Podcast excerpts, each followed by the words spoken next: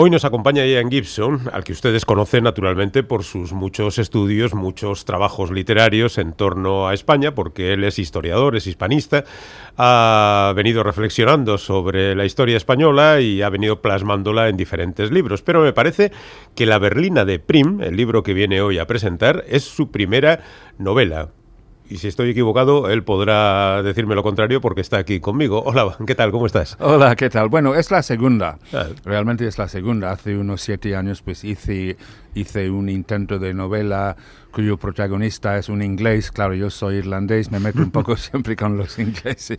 Es un inglés que vive en Andalucía. Bueno, hay mucho de mí en el libro, pero realmente es una novela que no tiene nada que ver con esta, porque esta es una novela histórica y es diferente a todo lo que yo he hecho antes. Bueno, esta novela ha conseguido el premio Fernando Lara de novela del año 2012, que siempre viene bien porque un premio eh, no solo te da un, algo de dinerillo, sino que además te da la posibilidad de que se difunda más claro, el trabajo, ¿no? No, exactamente. Por eso ha sido para mí fabuloso, primero, escribir eh, la novela y segundo, que me den un premio. Claro que ayuda eh, el, talón ¿no? para cualquier escritor que vive de su, obra, pues ayuda a escribir el próximo libro. Pero también es la difusión. Claro, si hubiera hecho sobre este tema un libro convencional, con notas a pie de página y con bibliografía al final eso, habría llegado a menos, menos lectores. Y yo realmente quería que esta novela llegara a muchos lectores. No, no sé si llegará porque estamos en plena crisis.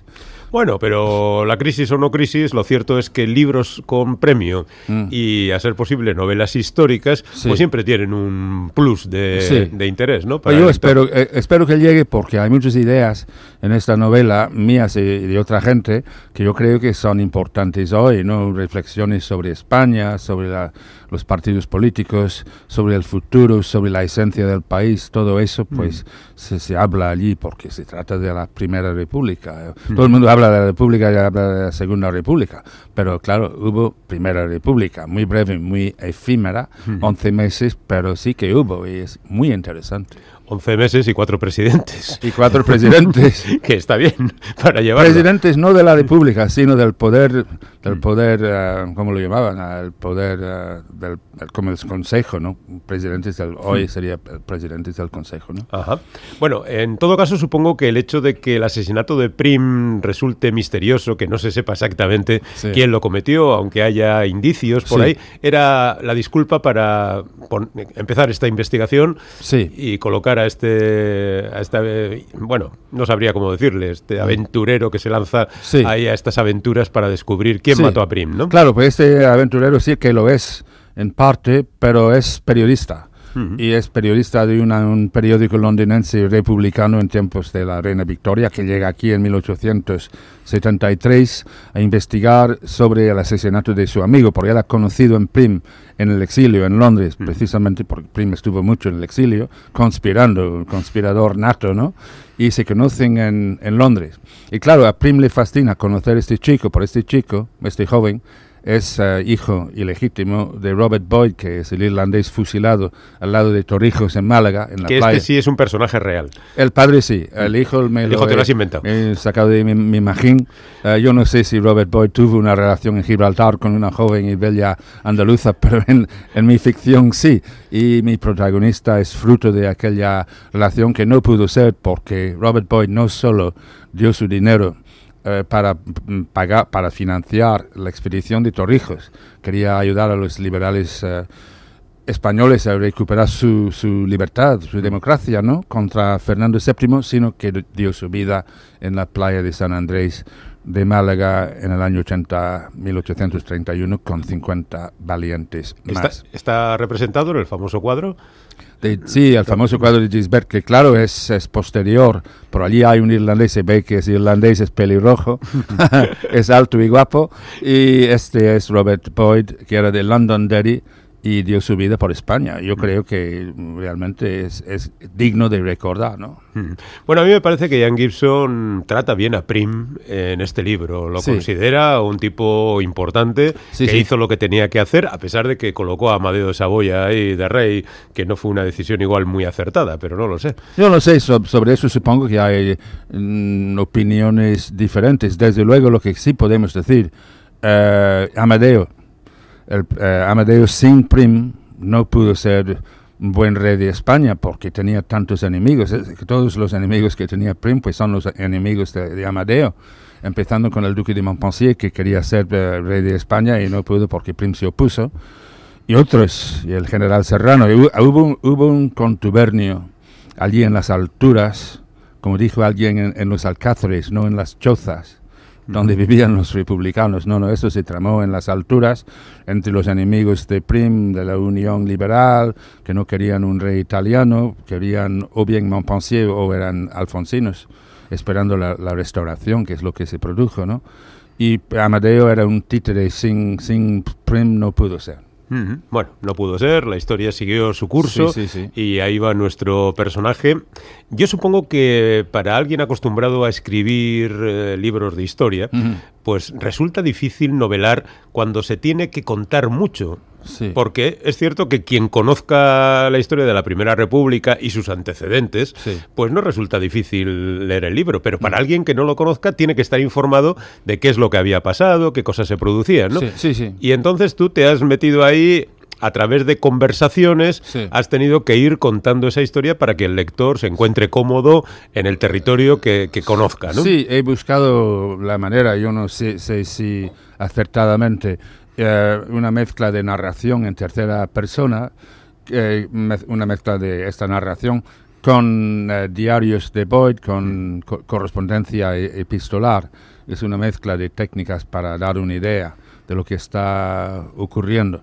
Mm, sobre todo yo quería aproximar al lector a una época no suficientemente conocida, porque realmente aquellos seis años fueron fantásticos, eh, de libertades después del régimen de Isabel II, eh, por ejemplo, libertad de imprenta, como se llamaba entonces, de que no había censura, y hubo una floración de periódicos, de revistas de todo tipo, y unos adelantos incluso en la, eh, es decir, los formatos y la mm, tipografía, eh, mm, avances increíbles en todos los campos. Y luego los libros, todos los libros prohibidos antes de Voltaire, de Rousseau, de mm, los ilustrados, de ilustración, la enciclopedia, de repente traducciones por todos lados, pero una luz de publicaciones. Todo el mundo lo comenta.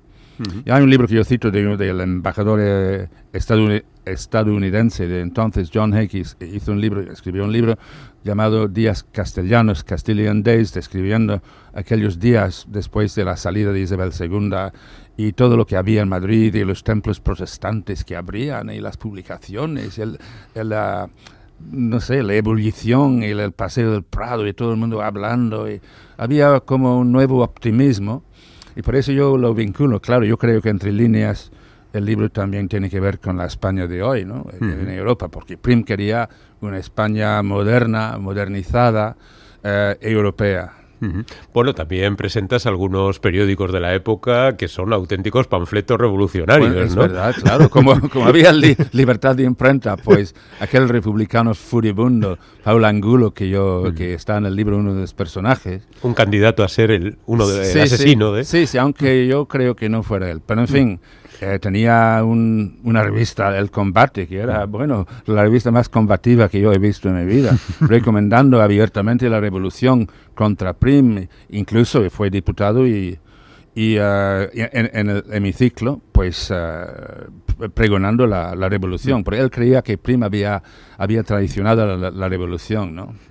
Bueno, yo creo, Ian, que en esta novela es cierto que la relacionas un poco con lo que pasa hoy, ¿no? Quiero decir que te das una visión general de España que viene a ser, poco más o menos, por simplificar, mm. este país es un desastre, todo el mundo quiere ser rey, no sé qué, nadie se pone de acuerdo, se grita mucho, no se dice nada. Eh. Y, bueno, quiero decir que no es una visión muy positiva, aunque seguramente es cierta. Aunque hay cosas muy positivas, porque mm. hay mucha gente que quiere una una España moderna. Lo que pasa después de tanto oscurantismo es muy difícil. De repente se abren las puertas y las ventanas y hay un peligro, un gran peligro, de que esto se despoque y, que se convierta en, violencia incluso, ¿no? Y eso, por eso Prim, y eso sí que es textual, dijo un, amigo suyo, hemos logrado encauzar, es su palabra, encauzar la revolución, eh, es decir, controlar, eh, conseguir que haya una tranquilidad para que España avance poco a poco, porque lo que no quería Prim, evidentemente, era una revolución brutal. Era, no, no era republicano, era monárquico,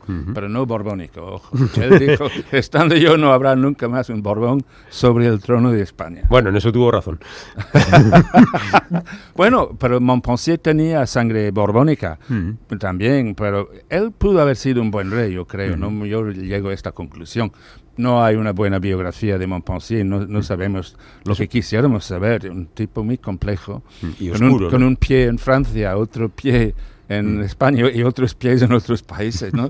y no sé dónde están sus papeles, su archivo, qué pasó, están en San Luca de Barrameda, donde tenía un palacio, y no sé, no sé, quisiéramos saber, yo quiero que entren los historiadores que nos dicen quién es Prim, porque Prim tampoco tiene una, una gran biografía reciente, y hace falta, porque hay muchos papeles que se pueden investigar. Bueno, y el sumario, no digamos el sumario que está medio destrozado, oye, Ajá. esto sí que es una cosa Lo escandalosa. comentas tú ahí, que la humedad lo ha ido Sí, sí, sí, deteriorando. Sí, sí, sí, sí, sí, sí, de modo es difícil, pero hay otro documento que es el eh, apuntamiento que está en el Tribunal Supremo que sí se puede consultar. Y el día en que se digitalice y esté abierto a, la- a los investigadores alrededor del mundo, bueno, sabremos más acerca del caso, porque el apuntamiento está completo y, y llena las lagunas de, lo- de las hojas que faltan en el sumario. pero, pero es sorprendente que eso no se haya hecho todavía. Eso me llama la atención, ¿no? Ahora, es un país donde hay tanto que hacer. y el siglo XIX es muy complejo, es un laberinto. Bueno, tú, la verdad es que mm, das puntadas en todas direcciones, haces homenajes. Me ha gustado que, por ejemplo, Antonio Machado Abuelo mencione su sangre jacobina cuando su nieto después en el autorretrato Sí. diría hay en mis venas sangre de Claro, gotas de sangre jacobina, cita, ¿no? Sí, sí, sí, sí, claro, claro, claro. Y, y hay alusiones al, al Palacio de las Dueñas, donde Mm. nacerá Antonio Machado. Hay un pintor que es histórico, Gumersindo Díaz, Mm. que pinta cementerios, pero que vive en el Palacio de los Duques de Alba, porque los duques entonces están en Londres y alquilan habitaciones a amigos o artistas, ¿no? Y allí nacerá, dentro de no mucho, Antonio Machado, que hereda el pensamiento de su abuelo. Yo quería plasmar esto en el libro. Sin embargo, dices que en el jardín, eh, perdón, en el patio de su casa hay un naranjo cuando Antonio Machado en el mismo poema dice que florece el limonero. Sí, sí, sí.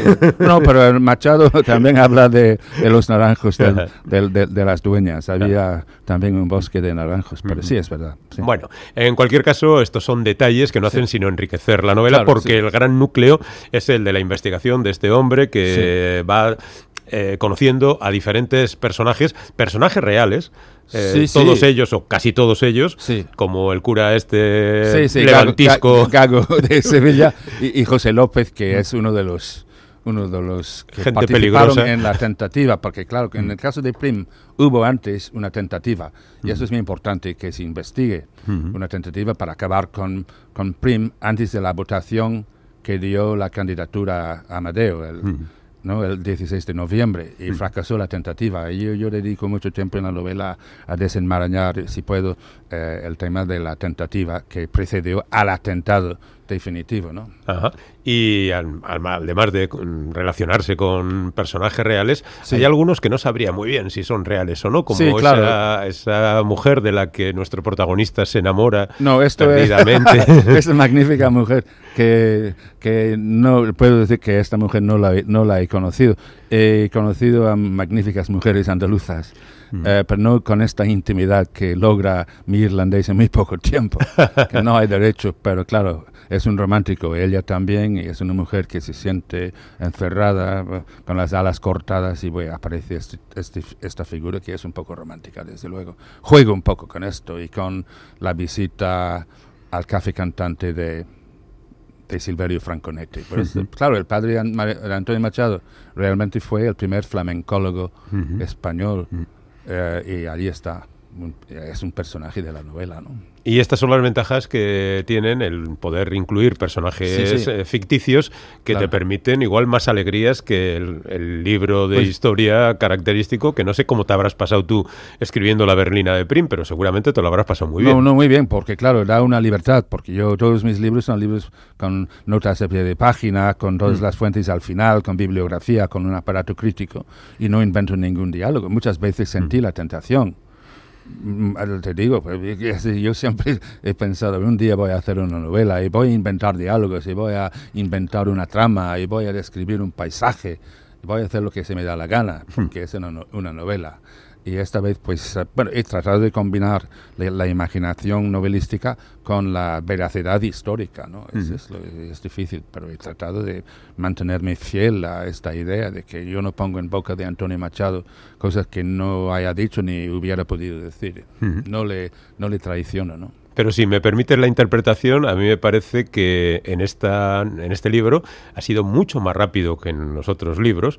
Este es un libro bastante más delgado que los que tú acostumbras a escribir, sí, sí, sí, sí, eh, lo cual, evidentemente, quiere decir que adoptas un ritmo cuando narras ficción y otro cuando narras hechos auténticos. Por supuesto, yo me di, eh, todo ocurre en dos meses con flashback, claro, con flashback cinematográficos, pero, pero la acción transcurre en unos tres meses escasos y ha sido difícil eh, conseguir el ritmo porque hay mucho material que el lector tiene que digerir, eh, comentarios históricos, comentarios sobre la España de entonces. Tal.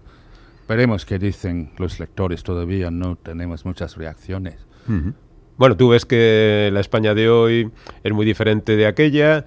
Eh, aquí hablas también de la corrupción, de los poderes, de las conspiraciones del poder. Pues de alguna manera lo que pasa ahora, ¿no? Sí, bueno, hay, parecidos, pero claro, yo, yo estamos en Europa, la, España europea, estamos más cerca que nunca. Eh, fracasó la Segunda República, fue un desastre para el país, la, la diáspora fue un desastre, la crueldad del régimen fue un desastre hay que llegar a un acuerdo sobre los muertos todavía en cunetas, los asesinados. Eso es un tema que a mí me preocupa profundamente. Eh, hay que, hay que mm, resolver este, este terrible problema pendiente, porque hasta que no se resuelva, eh, a, mi juicio, el país no puede avanzar sobre una base sólida de reconciliación.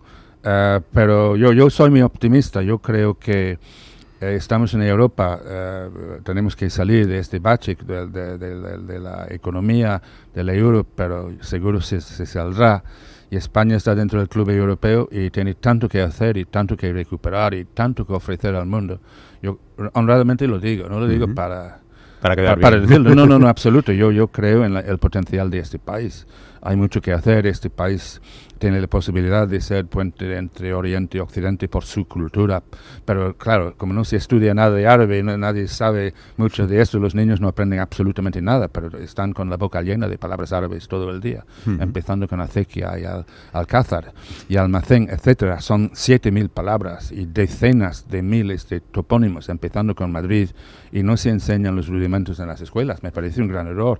Es una mina, es un tesoro, es una cosa fabulosa.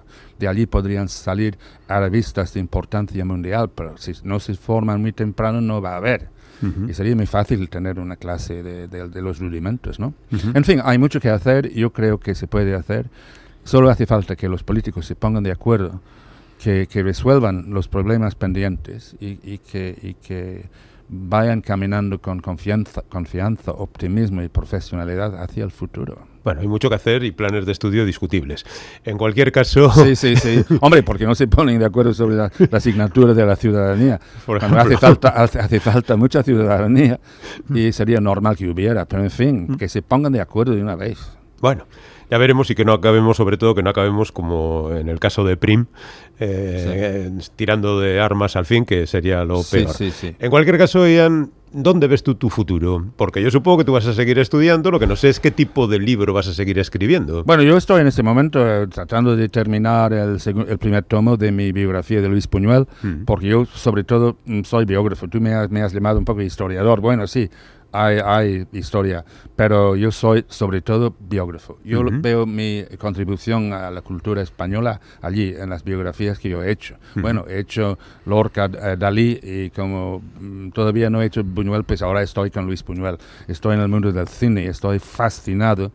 Y bueno, eh, me queda un año de trabajo para sacar el primer tomo, que va del nacimiento hasta el final de la guerra civil, el año 39, que le pilla a Buñuel en Hollywood y no puede volver, porque no puede volver a España de Franco. Y se, abre la segunda etapa de su obra y de, su vida.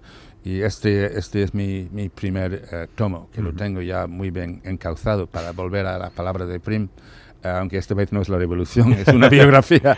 Y espero poder terminar el libro en 10 meses. Ajá, y estoy muy ilusionado. Bueno, y luego queda todavía historia desde el 39 hasta el final de su carrera de Buñuel. Esto, mira, yo podría, espero que sí, pero si no es posible, no es posible, porque es mucho trabajo.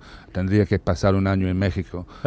claro, hizo 20 películas en México y luego en Francia. Bueno, Francia es más fácil, está aquí al lado. Y son menos. Y un día, muy pronto tendremos el AVE a París, de modo que Eh, que por cierto, me duele mucho eh, eh, lo de la vía Portugal. Portugal está muy separado de España. Eso no mm. es bueno para la península, ni para Portugal ni para España. Me, me, duele esto. Pero en fin, estaremos mucho más cerca de París. es mi proyecto. Bueno, México, si puedo lo haré y si no, estará el primer tomo. Eso es lo que más cuenta, yo creo. Bueno, eso en cualquier caso, quizá un día de estos a Ian Gibson le dé por escribir otra novela y con ah. una o con otra mm, eh, publicación esperamos verle por aquí, pues nada, en, un tiempo. Me, encanta venir a Bilbao, que es una ciudad maravillosa además muy limpia. Yo he estado comentando que Madrid es muy sucio. Está muy sucio, es, eh, pero Madrid eh, realmente, aquí en Bilbao apenas se ve un papel. Esto, esto demuestra que hay aquí ciudadanía, ¿no? Y en menos en menos en los madriles. Pero en fin, veremos si mejora la capital. Bueno, aquí le estaremos esperando. Ian Gibson, de momento La Berlina de Prim, que es un libro que acaba de publicar la editorial Planeta y que, como hemos comentado, eh, ha tenido el premio de novela Fernando Lara. Muchas gracias, señor Gibson. Nada, nos vemos en cualquier momento. ha sido un gran placer. Muchísimas gracias.